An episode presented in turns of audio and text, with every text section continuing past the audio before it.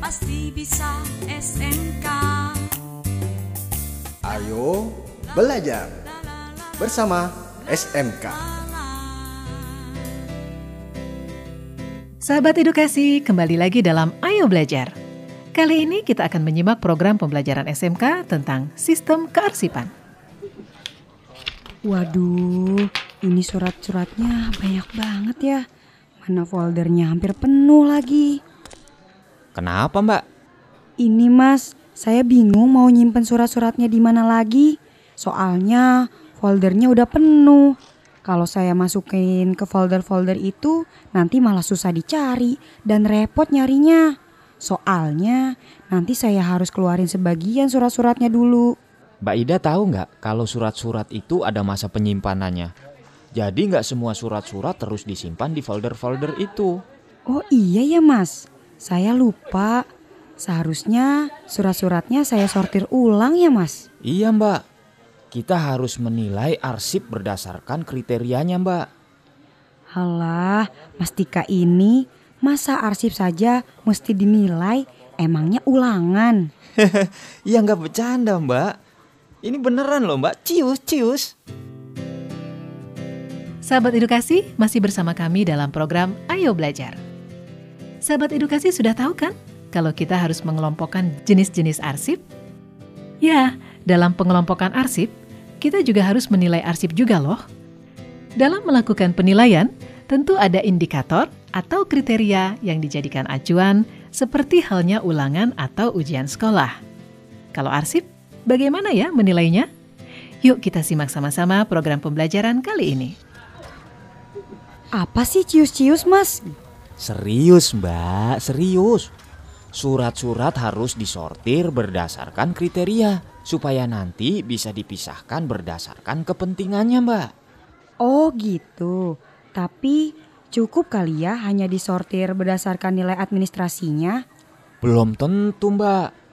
Kan harus disortir berdasarkan kepentingan dan perihalnya juga. Jadi harus dinilai juga dari aspek-aspek lainnya.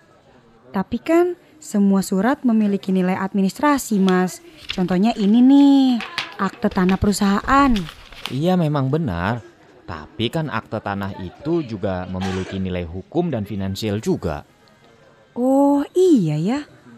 Iya, jadi aspek penilaian lain juga harus diperhatikan, seperti nilai edukasi, nilai dokumentasi, dan nilai risetnya. Oh oke deh oke. Oh iya mas, kalau surat-surat seperti surat undangan atau surat pemberitahuan perlu disimpan nggak ya? Soalnya undangan-undangan yang sudah lewat pengen saya buangin, tapi khawatir masih perlu. Gimana nih? Setiap surat memang ada masanya, Mbak. Kapan harus disimpan atau dibuang, atau malah tidak boleh dibuang atau dimusnahkan sama sekali. Oh begitu.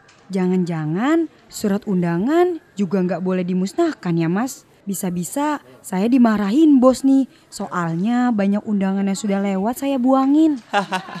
ya nggak begitu juga lah mbak. Emang yang nggak boleh dimusnahkan itu dokumen apa sih mas? Biasanya sih dokumen-dokumen yang sifatnya sangat penting. Seperti akte pendirian perusahaan, sertifikat tanah dan bangunan. Oh, mungkin ijazah juga termasuk dokumen penting ya kan, Mas? Kan kalau hilang jadi susah buat cari kerja. iya, Mbak Ida bener tuh. Dokumen-dokumen seperti itu disebutnya arsip vital. Karena sangat penting bagi kehidupan organisasi atau bisnis.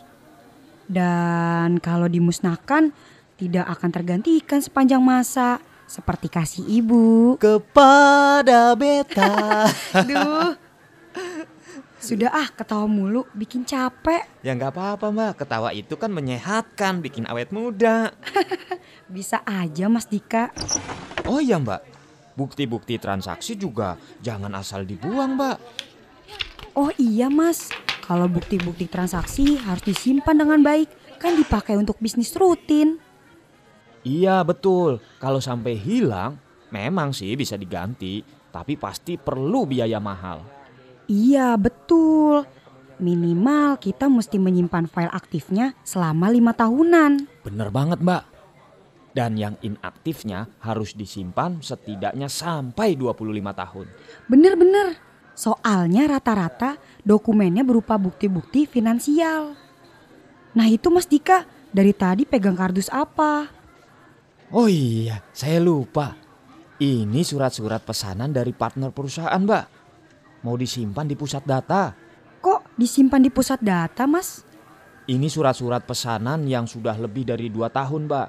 Jadi sudah nggak aktif lagi. Oh begitu.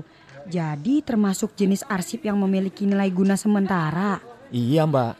Biasanya akan disimpan selama 10 tahun sebagai file inaktif. Ya sudah, bawa sana. Saya mau lanjutkan menilai arsip-arsip di sini. Biar berasa jadi guru gitu. Cita-cita yang nggak kesampaian ya, Mbak. Sahabat edukasi, sebenarnya yang dibicarakan oleh Mas Dika dan Mbak Ida itu apa ya? Ya, penilaian arsip. Sahabat edukasi tahu apa itu penilaian arsip? Benar, penilaian arsip merupakan suatu proses yang dilakukan seorang arsiparis untuk mengevaluasi seberapa besar suatu arsip memberi manfaat dalam pengambilan kebijakan perusahaan. Untuk melakukan penilaian terhadap suatu arsip, ada beberapa kriteria yang digunakan. Salah satunya yaitu penilaian Alfred. Alfred merupakan singkatan dari administrative, legal, financial, research, education, dan documentary value. Alfred membagi empat golongan arsip dengan nilai berkisar antara 0% sampai dengan 100%. Kamu pasti bisa. Sampai jumpa.